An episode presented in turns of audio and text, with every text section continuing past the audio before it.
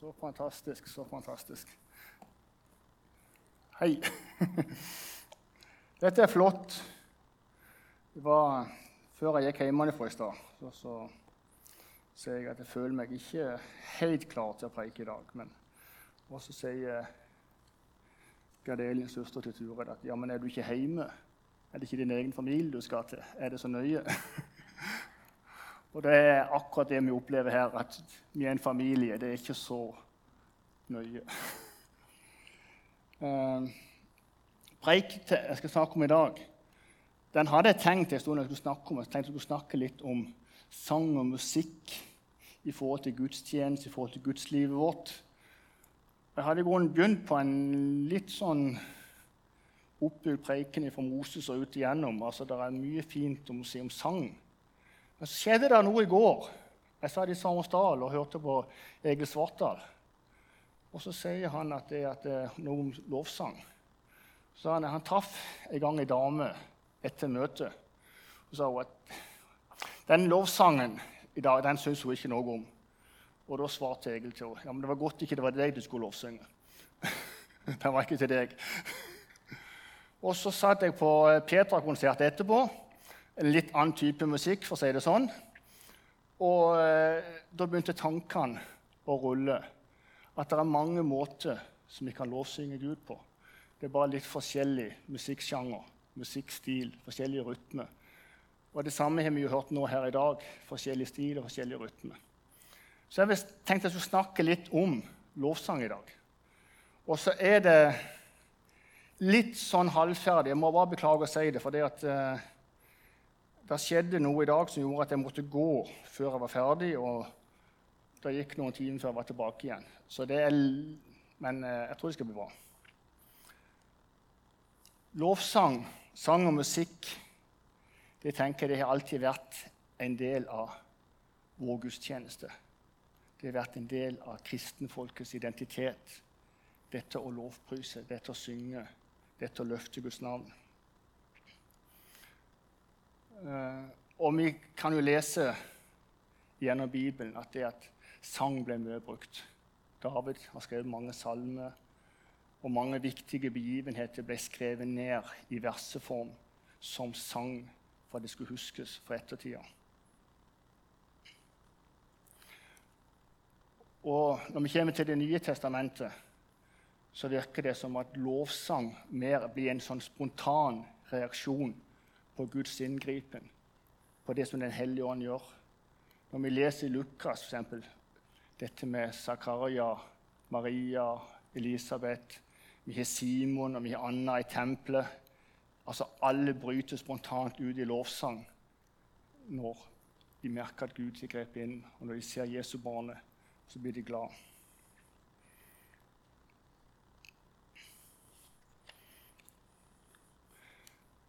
Men lovsang det er en døråpner, tenker jeg, for oss innenfor Gud. Det hjelper oss i tilbedelsen, det hjelper oss å være samstemt i lovprisning. Det hjelper oss å få kontakt oppad. Men lovsang kan òg være åndskamp, tenker jeg. Og det, det tenker jeg jeg skal si en del om. En åndskamp og døråpner for Gud. Ett eksempel har vi jo med kong Saul og den gjetergutten David i Bibelen. Når Saul raste og sinnet tok han, så måtte de få tak i David, som kunne spille, og da roa Saul seg. Det sier meg litt om at det, det er en åndskamp. For det står at det var en ond ånd fra Gud som kom over Saul. Og så begynte han å rase, og så begynte han å bli sint. Og jeg tenker jo lovsangen jeg, jeg ser det var en døråpner. Jeg ser det var et punkt jeg hoppet over her. Det er en døråpner for mennesket inn til Gud. Men det kan òg være en døråpner for mennesket inn i menigheten. Og Det har jeg merka mange gang. Jeg har spurt kirkefremmede mennesker som har vært på besøk her. Gjerne gutter som har vært med fra 16 og bort. Og så spør jeg hvordan følte du møtet var. Hva sitter du igjen med? Så er det to ting. Så godt som alltid så nevner de to ting. Det første er sangen. Det var så fin sang. Det gjorde noe. De kjenner det. Altså, De kan ikke teksten, men de kjenner at det er noe mer enn bare ord. Og det andre de sier, det er barna. Det er så mange barn i menigheten. Det er så mange barn, og så Når de går ut til søndagsskolen, så ser de alle ungene. Og så sier de de ungene ser ut til å ha det godt. Og så tror jeg de tenker tilbake på sin egen barndom. Og så ser, de, ser du et savn hos dem. Lovsangen og barna. Og så, Jeg tror aldri jeg har hørt jeg skal ikke si aldri, at de nevner preiken. Og Så må jeg spørre dem spesielt ja, hva syns dere om preiken. Og så må de just begynne å unnskylde seg. og så, ja, De hang ikke helt med, og de fulgte ikke helt med, og det, det ble kanskje noe mye. Men sangen, den sitter igjen. Det sier at lovsangen det kan være med som en døråpner for mennesket, både opp til Gud, men også inn til menigheten. Jeg tenkte jeg skulle si litt om også dette med lovsang som åndskamp. Og Det er en tanke som jeg har fått et, for mange år siden. Det var Ellen Merete Drønen. Hun hadde vært på DTS, hun var tenåring.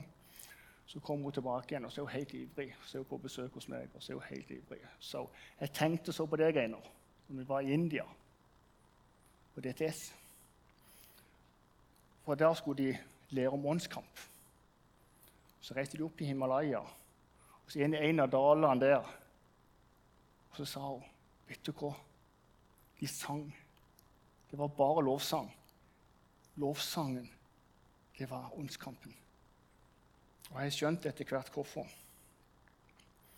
For jeg tenker at det at det disse menneskene her gjorde, det var at, det at de tilba Gud, og de viste glede. Og jeg tenker, er det noe motstanderen vår, djevelen, ønsker, så er det å drepe gleden vår. Og jeg kan, jeg kan ikke tenke meg noe som er mindre tiltalende enn sure kristne mennesker.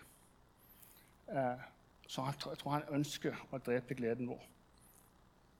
Og klarer han å drepe gleden vår, tenker jeg, så klarer han òg å legge lokk på lovsangen vår. Den naturlige sangen som kommer fra vårt indre. Den naturlige sangen som til og med jeg synger, som alle synger høyt. Men jeg kjenner når jeg har møte med Gud, når jeg kjenner at jeg blir berørt av Gud, så klarer jeg ikke å la være. Da går jeg og synger og smiler Og jeg har sagt det mange ganger her. Folk må jo begynne å lure av seg hvis de hadde sett meg på jobb. Men jeg er heldig, jeg er alene på jobb. Det er ikke folk der. Men eh, da kan jeg gå imellom hallene, og jeg kan løfte hendene, og jeg kan synge og jeg kan juble. Fordi jeg har hatt et møte med Gud.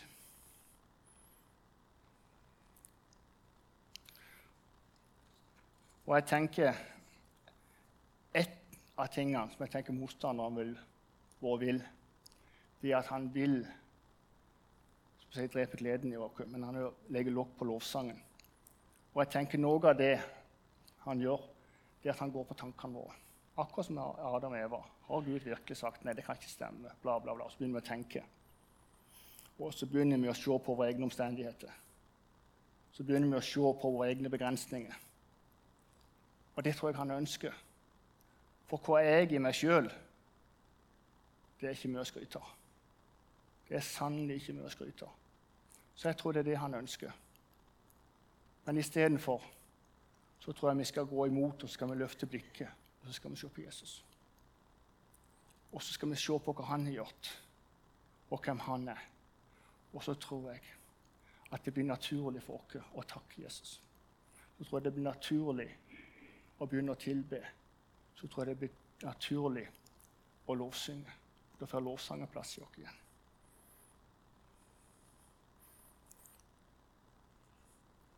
Og jeg tenker at noe av det djevelen vil, motstanderen vår Jeg ønsker ikke å prate om han i det hele tatt, men jeg tror han ønsker å legge lokk på lovsangen, som jeg sier. Han ønsker at vi skal miste motet. Han ønsker at vi skal se på oss sjøl, hvor små vi er, og se at vi ikke er i stand til å klare oppgaven. Og det har jeg kjent på mange, mange, mange ganger. Altså, jeg føler meg at jeg føler mange ganger at det er altfor store sko jeg skal gå inn i. Jeg er ikke i meg sjøl i stand til å mestre oppgaven. Bare det å stå her og preike, så føler jeg mange ganger at det at jeg hører på Geir og hører på disse andre, hvor flinke de er. Så tenker jeg at det der klarer jeg aldri. Sånn er ikke jeg. Men så kjære min tid, så tenker jeg at vi skal ikke være like alle i hop. Skal vi det? Nei. Jeg skal ta så. Og så var det når jeg satt i går på Petra-konsert, og det var litt andre rytme enn i dag. Men jeg klarte ikke helt å følge med på konserten, for jeg tenkte på det jeg, skal, jeg tenkte på Paulus. Faktisk gjorde jeg det. Tenkte på Paulus og Silas. Og Jeg skal lese kapittel 16 i Apostlenes gjerninger. Og Nå har jeg fått hjelp av, av Geir og de bak der, så det skal komme både på norsk og ukrainsk bak på, på skjermen der. Og det blir mange vers jeg skal lese. Og det er en litt merkelig fortelling som står der om Paulus. Jeg skal lese fra vers 6. Og Der står det at Den hellige ånd hindret dem i å forkynne ordet i Asia. Derfor fortsatte de gjennom det frygiske og galatiske området. Da de kom nesten til Mysia, prøvde de å dra videre til Betynia, men Jesu ånd ga dem ikke lov. Da dro de gjennom Mysia og kom til Troas. Om natten hadde Paulus et syn. Han så en makedonier som sto og kalte på han og ba. Kom over til Makedonia og hjelp oss. Da han hadde hatt dette synet, forsøkte vi straks å komme til Makedonia, for vi skjønte at Gud hadde kalt oss til å forkynne evangeliet der. Vi stakk til sjøs i, tro, vi stakk til sjøs i Troas med kurs for Samotrake og kom deretter til Neapolis. Derfra bar det videre til Filippi, en by som ligger i det første distriktet i Makedonia og, rom, og er romersk koloni. I denne byen ble vi noen dager. Merkelig. Jeg skal ta resten òg. Men det er merkelig. Altså, Paulus er på oppdrag, han er på misjonsreise og har tanker og planer. Og så merker han at det, at det blir lagt hindring i veien på han. Den hellige ånd nekter å gå videre. Og Så legger de nye planer, legger om kursen. Men da er det Jesu ånd som stopper de og hindrer de. Og det virker litt merkelig. Men så på natta så ser Paulus i et syn en makedonier som stender der og så vinker og sier vi trenger hjelp. Kom over til oss. Og Vi leste her i vers 9 om natta hadde Paulus. Han så en makedonier sto og kalte. Kom over til Makedonia og hjelp oss. Makedonia blir jo da Europa, Hellas. Altså evangeliet som kommer til Hellas og til Europa. Og jeg tenker Det var kanskje derfor at Paulus sine planer i Asia, i Tyrkia, ble stoppet. For det, nå er det viktig at dette kommer ut til Europa, så det kunne spre seg videre helt til jordens ende. Jeg skal lese videre fra vers 13. Der leser vi. På sabbaten gikk vi utenfor byporten til en elv hvor vi mente det var et bønnested. Der satte vi oss ned og talte til kvinnene som var samlet. Blant tilhørende var det en kvinne fra Tytiria som het Lydia. Hun handlet med purpurtøy og hørte til dem som dyrket Gud. Herren åpnet hennes hjerte, så hun tok til seg det Paulus sa. Sammen med alle i sitt hus ble hun døpt. Og hun ba oss, 'Kom og bo i hjemmet mitt, så sant dere mener at jeg tror på Herren.' Og hun overtalte oss til det.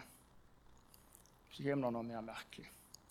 En gang vi var på vei til bønnestedet, møtte vi en slavekvinne som var, besatt av en spådomsånd. De som eide henne, tjente gode penger på, på, på spådomskunstene hennes. Hun fulgte etter Paulus og oss mens hun ropte og skrek. Disse folkene tjener for den høyeste Gud, og de forkynner dere veien til frelse. Dette gjentok seg flere dager. Da ble Paulus sint, snudde seg og sa til ånden.: Jeg befaler deg i Jesu Kristi navn, far ut av henne. Og den forlot henne på timen. Da herrene hennes forsto at det ikke var mer fortjeneste å håpe på, grep de Paulus og Silas og trakk dem med seg til myndighetene på torget. De førte dem fram for byens romerske dommere og sa.: Disse mennene lager bråk i byen vår. De er jøder, og de forkynner skikker vi ikke har lov til å godta eller følge, vi som er romerske borgere. Folkemengden deltok også i angrepene på dem, og dommeren lot klærne rive av dem og befalte at de skulle piskes. De fikk mange slag og ble satt i fengsel, og fangevokteren fikk ordre om å vokte dem godt. Da han hadde fått denne ordren, kastet han dem i det innerste fangehullet og låste føttene deres fast til blokken. Ved middagstider holdt Paulus og Silas bønn og sang lovsanger til Gud, og fangene lyttet til dem. Plutselig kom det kraftig jordskjelv, så grunnmuren i fengselet rista. Straks sprang alle dørene opp, og lenkene løsnet av fangene. Fangevokteren for opp av søvnen og så at fengselsdørene sto åpne. Han grep et sverd og ville drepe seg fordi han trodde fangen var rømt. Med all sin kraft ropte Paulus til ham, 'Ikke gjør deg selv noe vondt. Vi er her alle sammen.' Fangevokteren ba om å få lys og løp inn og falt skjelvende ned for Paulus og Silas. Så førte han ham utenfor og sa, 'Hva skal jeg gjøre, gode herre, for å bli frelst?' De svarte, 'Tro på Herren Jesus, og du og dine skal bli frelst.' Og de forkynte Herrens ord for han og alle i hans hus. I denne sene nattetimen tok han, med, tok han dem med seg og vasket sårene deres, og han ble straks døpt med alle sine. Så tok han dem hjem og ga dem mat, og han gledet seg sammen med hele sitt hus over å få troen på Jesus. Da det var blitt dag, sendte dommerne rettsbetjentene av sted med denne ordren. Løslatt mennene. Fangevokterne meldte fra om dette til Paulus og sa dommerne sender beskjed om at jeg skal løslates. Kom nå ut og dra bort med fred. En merkelig historie. Som jeg sa Her går Paulus i tro. Den hellige ånd, Jesu ånd, hadde nekta han og stengt dørene for han for de planene han hadde. Han får et syn og går i tro over til Europa. Så kommer han til Europa, og så skjer dette. Så skjer dette. Så blir han tatt til fange. Og så blir han piska, og så blir han slått. Så blir han satt innerst i fengselet. Føttene ble satt fast i stokken. En form for, Det er ikke rett og slett en gapstokk, men en svær stokk som de ble lenka med svære kjettinger til i stokken, og så bak i veggen. De kom ingen vei. Hvordan, tenker jeg, hvordan hadde jeg reagert? Hvordan hadde vi reagert? Da hadde de åpne sår og satt der fuktig og fælt der inne, mørkt og forferdelig. Jo, så reagerer de på en helt annen måte enn vi hadde gjort. Så begynner de å be og synge lovsanger. Og så skjer dette mektige underet. Da kommer et jordskjelv, og de blir satt fri. Men de rymer ikke. Men istedenfor så får de be til frelse ved fangevokteren og hele hans familie. Istedenfor så får byen Filippi ta imot Jesus. Og jeg tenker det var åndskamp. Dette var et nederlag for motstanderen. Og var det noe han tror jeg hadde ønska der, så var det å knekke motet til Paulus. Så var det å få Paulus til å se på omstendighetene. Så var det å få Paulus til å kikke ned og se på lenkene. Mens Paulus gjorde det motsatte. Han løfta blikket, og så så han på Jesus. Så så han på hva Jesus kunne gjøre i denne situasjonen. Og så begynte de å synge lovsanger. Så begynte de å prise Gud det er åndskamp. Og de vant. Og folk ble frelst.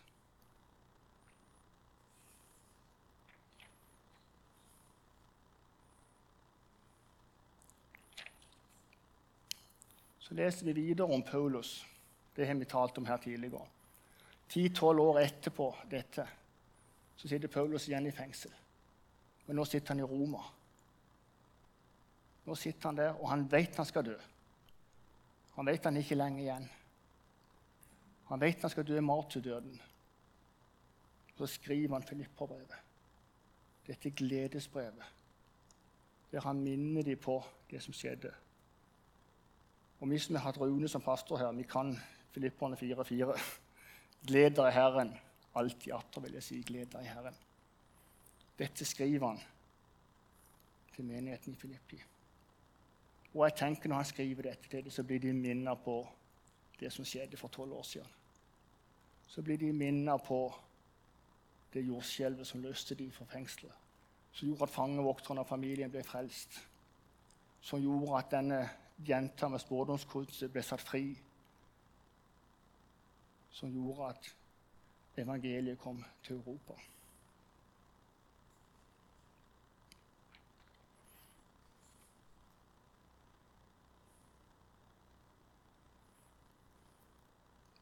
Gled deg i Herren alltid. Atter vil jeg si gled deg i Herren.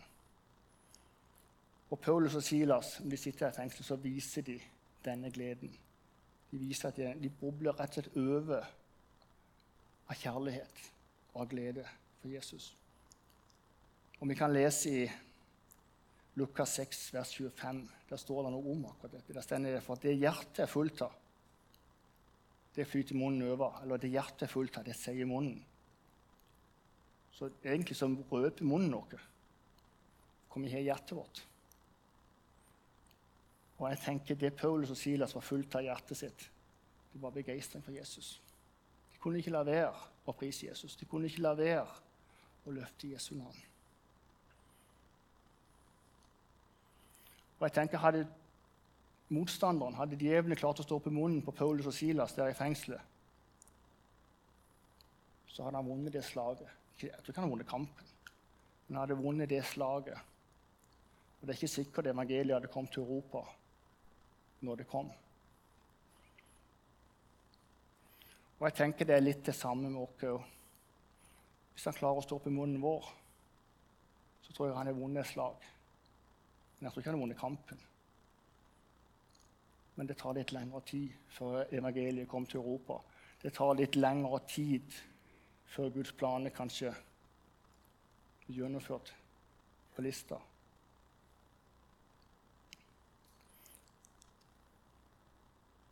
Hvis djevelen klarer å få oss til å se på våre egne omstendigheter og på våre egne begrensninger, så tror jeg òg han klarer å stoppe lovsangen i hjertet vårt. Og jeg tror når vi mister gleden og mister lovsangen, så tror jeg òg at det at vi ikke er en trussel for ham lenger. Og hvem i all verden som jeg begynte med, har lyst til å være sammen med sure, gretne kristne mennesker som bare står der med en pekefinger og bare skal fordømme? Det er ikke mange. Men jeg tror alle ønsker å være sammen med glade, kristne mennesker. Mennesker som har håp, mennesker som er i framtid. Mennesker som kan være med og peke på evangeliet, på de gode nyhetene.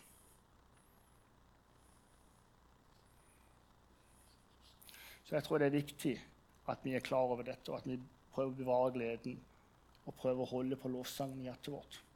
Så kan vi ha hvilken musikkstil vi vil. Om det er på et flygel, eller om det er på et trekkspill, eller om det er rockemusikk som Petra, eller hva det er for noe, så tror jeg det er lovsangen i hjertet det er den som er med og løfter til Gud.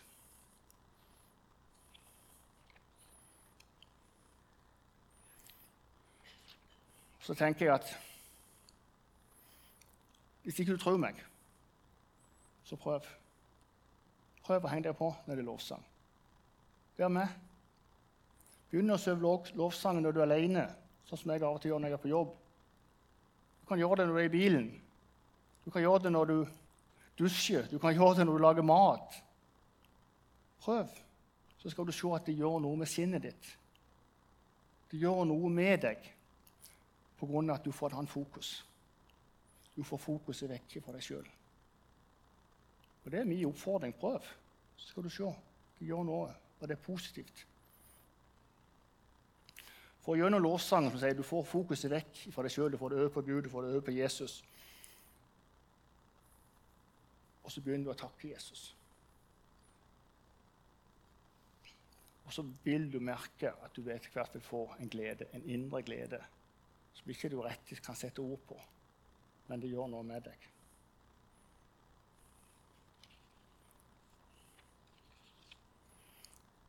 Og da tenker jeg at jeg snakket om åndskamp her. Da tenker jeg djevelen har tapt et slag om ditt sinn. Hvis, han, hvis, du kan klare å beholde lovsangen i hjertet ditt. Og jeg tenker Hvis du klarer å beholde lovsangen i hjertet ditt, så vil det ikke heller være så lett for djevelen å påvirke sinnet ditt. Det er en, det er en kombinasjon her. Og så tenker jeg at, at hvis en klarer det, så tenker jeg at Guds fred Vi vil, vi vil bare kjenne den freden. Som vi sier, Guds fred som overgår all forstand, skal bevare ditt hjerte og ditt sinn i Kristus Jesus. Du har ikke noe å frykte. Nå har jeg, jeg sagt det jeg har på hjertet mitt. Jeg har to bibelvers til slutt. Og det er ett fra Efeserbrevet 5,19 og ett fra Kolosserbrevet 3,16, som er om lovsang, bare som en avslutning på det hele. Efeserbrevet 5,19. Vi oppfordrer til å synge sammen. Syng sammen. La salmer, hymner, åndelige sanger lyde. Syng og spill av hjertet for Herren. Jeg tror det er viktig for menigheten. Det er en viktig del av menighetslivet. Det er en viktig del av vårt personlige kristenliv. Kolosserbrevet 3,16. La Kristi ord få rikelig rom hos dere. Undervis og rettled hverandre med all visdom. Syng salmer, viser åndelige sanger til Gud av et takknemlig hjerte. Jeg tror av å synge lovsang, så får du et takknemlig hjerte. Det var det jeg hadde på mitt hjerte i dag. Jeg skal dele med dere. Takk.